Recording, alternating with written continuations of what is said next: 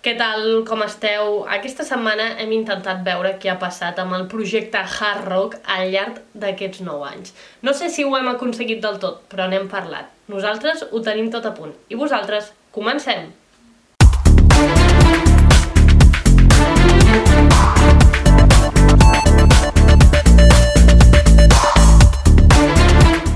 Fa 9 anys, Artur Mas, expresident de la Generalitat, anunciava amb il·lusió un nou projecte anomenat Barcelona World. Es tractava d'un complex d'hotels i casinos que havia de suposar un pas més al turisme del territori. Han passat 9 anys d'això. I del Barcelona World hem canviat al Hard Rock i de moment hi ha més entrebancs que resultats. Aquests dies de negociacions pel nou govern de la Generalitat, el tema ha tornat a aparèixer sobre la taula i de tot plegat en volem parlar amb la periodista Sara Sanz. Molt bon dia, Sara. Bon dia. I també amb el periodista de rac Esteve Giral. Molt bon dia. Bon dia, què tal? Comencem pel final. Esteve, Sara, eh, veurem mai el Hard Rock o serà el projecte d'aquests enquistats com passa molt aquí al territori? Jo tenia 18 anys quan el van anunciar, en tinc 27, déu nhi Esteve, comencem per tu. Home, jo crec que, que ara mateix, si, si m'hagués de decantar per una o altra opció, diria que, que de moment no el veurem. S'ha anat endarrerint tant i s'ha anat ajornant tant i s'ha anat prorrogant tant que li han anat passant vicissituds.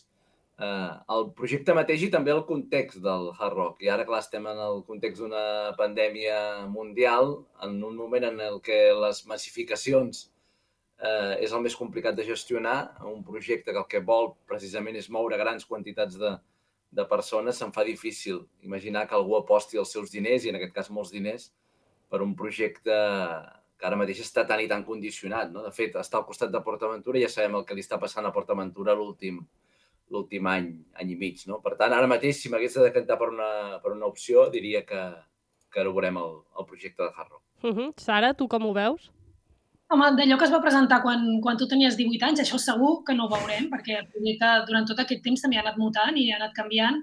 I, a més, ara s'afegeix això, no, que, això que comentava l'Esteve, aquest nou context que fa que tot es torni a replantejar jo penso, aquell projecte inicial és evident que no, que no el veurem i la marca Hard Rock a la Costa Daurada potser la veurem, però en un format petit i a un mitjà termini. O sigui, jo crec que en els dos, tres propers anys segur que no ho veiem. Uh -huh. Aquesta setmana parlàvem amb la plataforma que es va generar just quan es va anunciar aquest projecte, Aturem Barcelona World, i ens comentaven que ells tenien la sensació que de tot plegat hi havia més interessos polítics que no pas de les empreses privades. Sara. A mi és que el que crida l'atenció de tot aquest mm, projecte i tot aquest procés, els que l'hem anat seguint des de, des de l'inici, és que des del principi sempre hem tingut la informació i, i el projecte ha anat evolucionant eh, més per la informació que ens ha facilitat l'administració que no pas els propis interessats. A veure, durant la primera etapa Hard Rock de Veremonte, és veritat que, que, que sí que era l'empresa la que donava la cara, la que explicava les inversions que tenia previstes, unes inversions que crec que superaven els 4.000 milions d'euros, quan ara ja estem parlant d'una inversió de 600. Eh, però des de que entra en joc Harró, que va ser aquell estiu del 2017, que després ha passat tot el que, el que va passar, l'empresa crec que només ha enviat un comunicat oficial. I no, no sé, l'Esteve, jo he intentat comunicar amb ells diverses vegades i la veritat és que no, no me n'he sortit. Per tant, sempre ha sigut un projecte del que hem tingut informació només per la part de l'administració. I això també el fa bastant únic, no?, en, en tot aquest desenvolupament. Uh -huh. Esteve, tu t'ha passat el mateix? No has pogut arribar a contactar mai amb l'empresa? Sí, és, és, és molt complicat, no te'n surts. La poca transparència que han tingut eh, fins ara, eh, jo crec que també diu moltes coses, que, que sembla que, que la, la batalla política o que la partida política vagi en, en paral·lel o en una altra direcció que no pas el que, el que passa a nivell empresarial i, de fet... O sigui, d'una banda... Sara? Sí, sí, digues, Sara. No, no, que comentava al fil del que deies, que, que d'una banda em dóna la sensació que hi ha hagut poc debat al territori, no? en, en, en aquest sentit la plataforma és un dels, dels seus arguments on s'agafen, però d'altra banda el projecte ha anat superant, mm, bueno, multitud, hauríem de comptar, però en tots aquests anys la quantitat d'eleccions de, de, de tot tipus, no? tant municipals com de la Generalitat, com estatals, i el projecte sempre va sobrevivint, s'ha anat canviant, ha anat mutant, s'han anat reduint algunes, algunes coses importants del projecte, però en cap moment s'ha deixat de banda. No? És a dir, que aquí tenim l'Incasol i un departament d'urbanisme treballant i fent a mida un projecte que té un impacte molt considerable. Uh -huh. Municipals no ho he comptat, però sí que he comptat les del Parlament de Catalunya i ha passat tres legislatures el projecte des de que es va anunciar. Clar, I tenint en compte que el 2017, quan s'anuncia Hard qui és el, el, qui està economia al capdavant és, és um, és d'Esquerra Republicana i després amb tot el referèndum va estar detingut. És a dir, que la gent que estava al capdavant mm, mm, tampoc va deixar de ser-hi molt ràpid, però el projecte ha anat seguint. Uh -huh. Esteve, què anaves dient? No, que, que, que això, no? que la batalla política sembla que vagi en una direcció paral·lela o al marge del que, del que passa a nivell empresarial, que els contactes empresarials, lògicament, eh, han anat seguint, però no, no s'han produït amb, amb massa transparència a nivell polític sí que, sí que hi ha hagut diferències entre els partits polítics, perquè és un projecte que també té una càrrega, no sé si dir-ne ideològica o ètica, no? Eh, tot el món del, del joc, eh, de, de les apostes, que és una pota important, aquest, aquest megacasino que ha de tenir el, el projecte, està clar que no agrada a una sèrie de partits sobre els partits, sobretot els partits més de, més d'esquerres. Però aquest debat tampoc s'ha produït molt, molt clarament o no ha tingut un gran protagonisme. Sí que hi ha estat, per exemple, la CUP o els, o els comuns eh, s'han expressat eh, públicament, altres partits han dit que era una bona aposta eh, pel, pel territori, aquesta injecció de, de diners i de llocs de, de treball. No? Però també, tro, també he trobat a faltar aquest, aquest debat més públic, més intens, que, com deia la Sara, eh, a nivell de territori ha liderat la, la plataforma, però he trobat a faltar els, eh, els partits polítics. També segurament lligat amb això d'aquesta manca de, de claredat i de, i de transparència. Eh? Realment quin és el projecte que s'acabarà duent a terme, realment, realment com, es, com es gestionarà tot el tema del, del joc i de les apostes, eh, etc. De fet, ara que parleu de debats, Eh, és un model turístic que s'havia posat mai sobre la taula per aquí a la Costa Daurada? Perquè tenim PortAventura, però PortAventura és un model turístic bastant diferent. No es basa en el joc i en, sí que és un macrocomplex, però no en el joc. És un macrocomplex d'un de, de, un parc temàtic. Vaja, Esteve. Sí, sí, totalment. No? És, és, és, una, és una aposta per un tipus de, de turisme i de, i de lleure que la Costa Daurada i a, i a Tarragona no té, no té molt de recorregut. No? A Tarragona hi ha, hi ha un casino i, i ha tingut i, i té certa tradició, però no és un gran casino i segurament no, no mou un volum molt, molt important de, de negoci, no? I, i menys ara. Però bueno, traient el context de pandèmia, que un dia o altre l'anirem superant. És una aposta per un model de negoci diferent que jo no veig massa complementari amb el que és el turisme familiar que n'ha fet bandera la, la Costa Daurada, Vilaseca, Salou, eh, Tarragona. No? Per tant, crec que és una aposta diferent, un tant potser agosarada i, i discutible a nivell ètic i moral, no? que, que hem d'imaginar, a part de la família anant a, a fer postes i a, i a jugar i una part de la família anant a un, parc temàtic o un parc aquàtic. No sé, a mi se'm fa difícil d'encaixar de, aquestes, dues, aquestes dues opcions. Uh -huh. Sara? Sí, no, ara pensava que quan es parla del projecte, sobretot l'alcalde de Salou, que amb això ha agafat bastant la, la bandera, sempre focalitzen més en l'espai de concerts o de concerts a l'aire lliure que, que tindrà aquest hotel que no pas en el casino. I el, I el casino, a veure, crec recordar que per allí pot tenir fins a 30.000 metres quadrats, tot i que el projecte que es va anunciar deia gairebé 10.000. Estem parlant d'un camp del Barça de 3, de casino. Això implica un model, bueno, que és el model que deien de, de, de turisme asiàtic, eh, però d'altra banda, el, el, els defensors diuen que també és una manera de desestacionalitzar, no? que és aquesta gran assignatura pendent. Jo penso que potser hauríem de plantejar l'impacte que té aquesta activitat econòmica és a dir, si, si requereix o no un debat més a fons i, i conèixer més quines seran les conseqüències, qui, quin, quines són els, els avantatges, però també quins són els peatges que, que haurà de pagar el territori, no només el territori que ocupa el, el complex en si, sinó el territori en un sentit més ampli, per poder valorar no? si realment això aporta tant.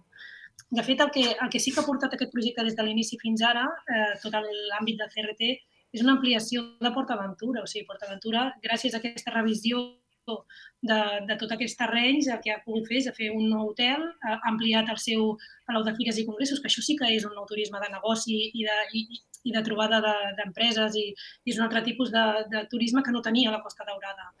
I penso que amb el canvi de, amb el canvi de context que hi ha ara, eh, que, que, que és un projecte que depèn de la mobilitat, de gent que et pugui venir d'Àsia o de Rússia o, o d'altres llocs amb un casino, eh, sí que mereix un, un moment de reflexió i de pensar si realment és cap aquí, cap on vol anar la zona. Uh -huh. A més, també ha tingut diferents entrebancs al llarg de tot aquest temps. Ara ho comentaves, el casino primer havia de tenir uns metres quadrats, després es va reduir, ara l'últim és que el Tribunal Superior eh, tombava una part d'aquest projecte, que l'han de modificar. No sé si això és un, un, una constant de que, bueno, de que no hi ha tant, tant d'interès en aquest projecte, Sara bueno, és que l'interès en el projecte l'hauria d'escenificar d'alguna manera l'impulsor d'aquest projecte, que seria l'inversor, l'empresa privada. Però, però aquest, mm, aquest poc, aquesta poca transparència que hem vist en, en tot aquest procés també fa que fins i tot no tinguis molt ben identificat qui és aquesta iniciativa privada. És a dir, si Hard Rock és una, és una marca i la gestionarà una altra societat o si és la mateixa societat nord-americana la que està aquí directament gestionant el projecte. Com que tenim aquests interrogants sobre la taula, eh, bueno, és el que comentem, no? que, que fa que ja els, els interrogants vagin creixent a mesura que, que passa el temps perquè no es resolen. Uh -huh. Esteve? No, jo crec que si, si realment hi hagués una, una empresa o un grup d'empreses, de, uns inversors eh, molt, molt interessats o empreses per tirar endavant aquest projecte, o ja haurien marxat o estarien compareixent cada, cada tres dies eh, fent, el, fent el crit al cel. No?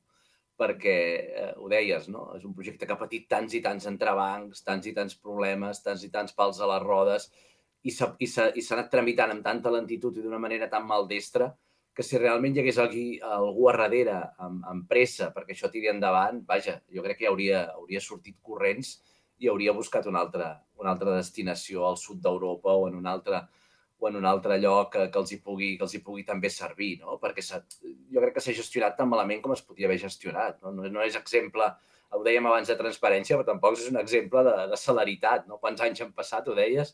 Tu t'has fet pràcticament gran, alguns ens hem fet mig vells, eh, veient com això, no tant, no tant. Com, això, com, com això anava avançant i no, i no hi veiem encara la, la llum. Per tant, si aquí hi hagués algú molt interessat amb, un, amb diner fresc per invertir, eh, estaria molt i molt nerviós. Si, si hi és, segurament ja li va bé aquest, aquest, aquest, uh, aquest ritme cubà, pràcticament. Si, si hi ha un inversor interessat, ja els hi va bé aquest ritme tranquil.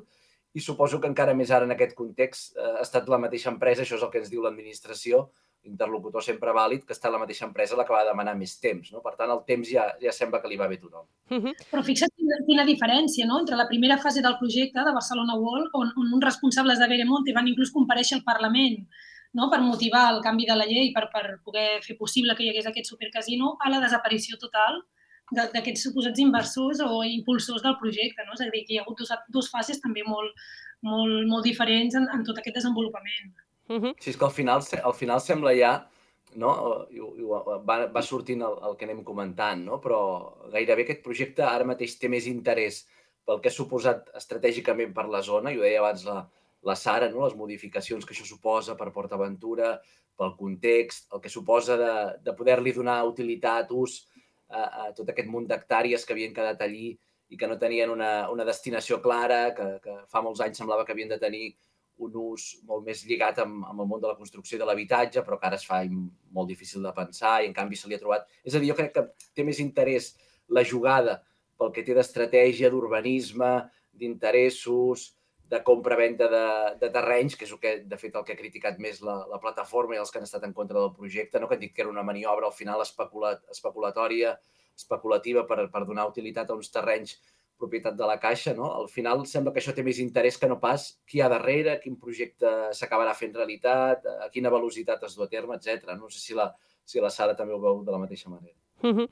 Aquests, aquests dies mm, estem en plenes negociacions per un nou govern de la Generalitat de Catalunya. Sembla que Esquerra i la CUP tenen un preacord per investir a Pere Aragonès president. Ara estan negociant amb Junts per Catalunya. Però parlant amb la diputada Laia Estrada, que és la diputada d'aquí del Camp de Tarragona, ens explicava que fora d'aquest preacord havia quedat precisament a aquest projecte. L'escoltem. És que ens va sorprendre moltíssim que Esquerra, no, que una formació que, eh, Esquerra Republicana, que una formació que es fa dir no, d'esquerres, de, eh, sigui incapaç doncs, de, d'entendre que, que menys en un context com el que estem es pot continuar defensant donar 120 milions d'euros per salvar els mobles de la Caixa. Ens va sorprendre moltíssim. Uh -huh. Vosaltres ho enteneu, Esteve? Home, a mi se'm fa molt, molt i molt difícil de, de pensar i tornem al mateix, no? Que si aquest projecte realment té un, té un valor i està en primera línia de sortida i, i realment s'ha de fer realitat, que, que, es, que, que quedi fora, no? No, no, no acabo de, no acabo d'entendre. Tornem al mateix, no? Que és un projecte que sembla que no hi és, que està com mig d'amagatotis, que no apareix clarament als debats, que es deixa fora de les agendes. Què passa i què passarà amb aquest projecte? Jo crec que, tot el que anem veient ens fa pensar que queda, que queda com apartat, no? que queda de moment en un, en un racó de la sala i que, que ningú el vol acabar de veure. No? Uh -huh. Sara? Sí, no, el fet aquest que deia ara l'Esteve, que és un projecte que apareix i desapareix de l'escena, això ha sigut una constant en els últims anys. I després és, és, seria un bon moment, pel canvi de context que hi ha, de, de, de, de fer un debat a fons en el territori si realment segueix vigent i després també qüestionar-nos si l'Incasol, eh, en aquests moments on el problema de la vivenda, eh, de l'habitatge és tan important, si l'Incasol ha de centrar els seus esforços en promoure aquest tipus de projectes o potser altres, altres tipus de projectes. No? Seria un moment d'impàs que es podria debatre, però clar, si d'entrada ja, es treu, ja es deixa fora del, del pacte de govern, doncs això afegeix més, més, més eh, interrogants, el que dèiem abans. Uh -huh. Precisament ara em va bé que diguis això d'Incasol, perquè també hem parlat amb la Raquel Sanz, que és la diputada d'Esquerra aquí al Camp de Tarragona, i li preguntàvem pel tema d'Incasol i mm, com era que en aquestes negociacions això havia quedat fora i ens responia això. Per tant, no és tant una qüestió de, de voluntat política, sinó ja de, dels terminis i els tempos més administratius que, que es deriven de, de tota aquesta gestió. Per tant, eh, entenc que és difícil comprometre comprometre't a una cosa a la qual eh, no, no et pots comprometre. Eh? Crec que, que pot anar per aquí, però insisteixo que desconec la lletra petita de, de les negociacions. Uh -huh. eh, Esquerra, eh, és impossible per a, a aquest projecte tenint en compte que ni han començat les obres, Sara?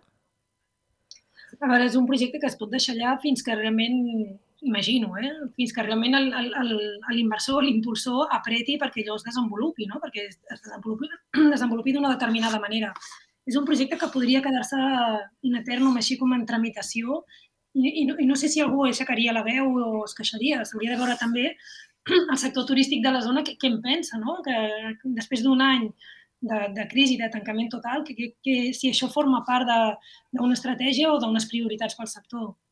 Uh -huh. Esteve?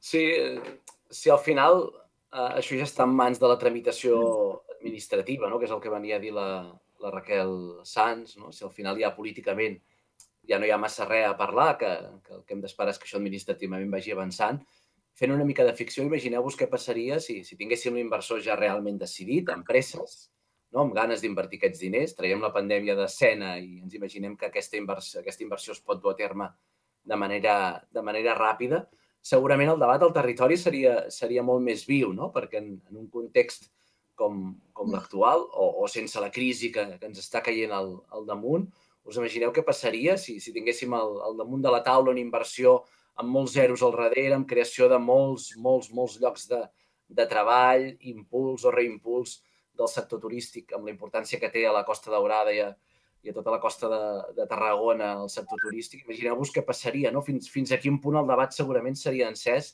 i estaria molt més viu. I en canvi estem en un escenari on, on, on Hard Rock eh, cada cop té, un, té una posició més, més secundària, més col·lateral, els partits eh, deixen fora del, del debat el tema perquè jo crec que tothom sap que no ara mateix això no està a la, a la, a la primera línia. No, no, no, no, és, no és una inversió eh, real a, a curt ni a, ni a mig termini, no? m'atreveixo a dir. I a més no oblidem que, que s'ha de reformular, és a dir, el que obliga el Tribunal Superior de Justícia és que, que s'ha de reformular el, el PDU i això requereix uns mesos de tramitació mínims que se'ns envaia un any més, no més, per tenir un altre cop el, el terreny preparat, per entendre'ns, no? Llavors, bueno, no, no és una cosa que ara sembla que estigui a l'agenda, no? Uh -huh. Però imagineu la, imagineu la pressió que, que s'estaria fent, no? Si, si, si això realment no hi hagués pressa, eh, eh, tot aquest tema que, que sí que ha aparegut als mitjans, lògicament, perquè és un tema important, però apareix i desapareix. No, no hi ha un debat viu al, al territori perquè no hi ha pressa, no hi ha, no hi ha urgències. bueno, sí, ja ho, ja, ho, ja, ho, ja ho resoldrà el, el tribunal, sí, ja modificarem el que s'hagi de modificar, sí, ja es tirarà endavant, no? però és tot una mica com a, com a trompicons. Evasives. Pentes i rodolons. De fet, eh, ara com comentava la Sara, Damià Calvet mm, va compareixer l'últim cop que va parlar sobre el tema, i no fa pas tant, i va dir que les obres haurien de començar el 2022. Veient com està tot, suposo que creieu que el 2022 que és l'any que ve, no començaran, Esteve. No, no, vaja.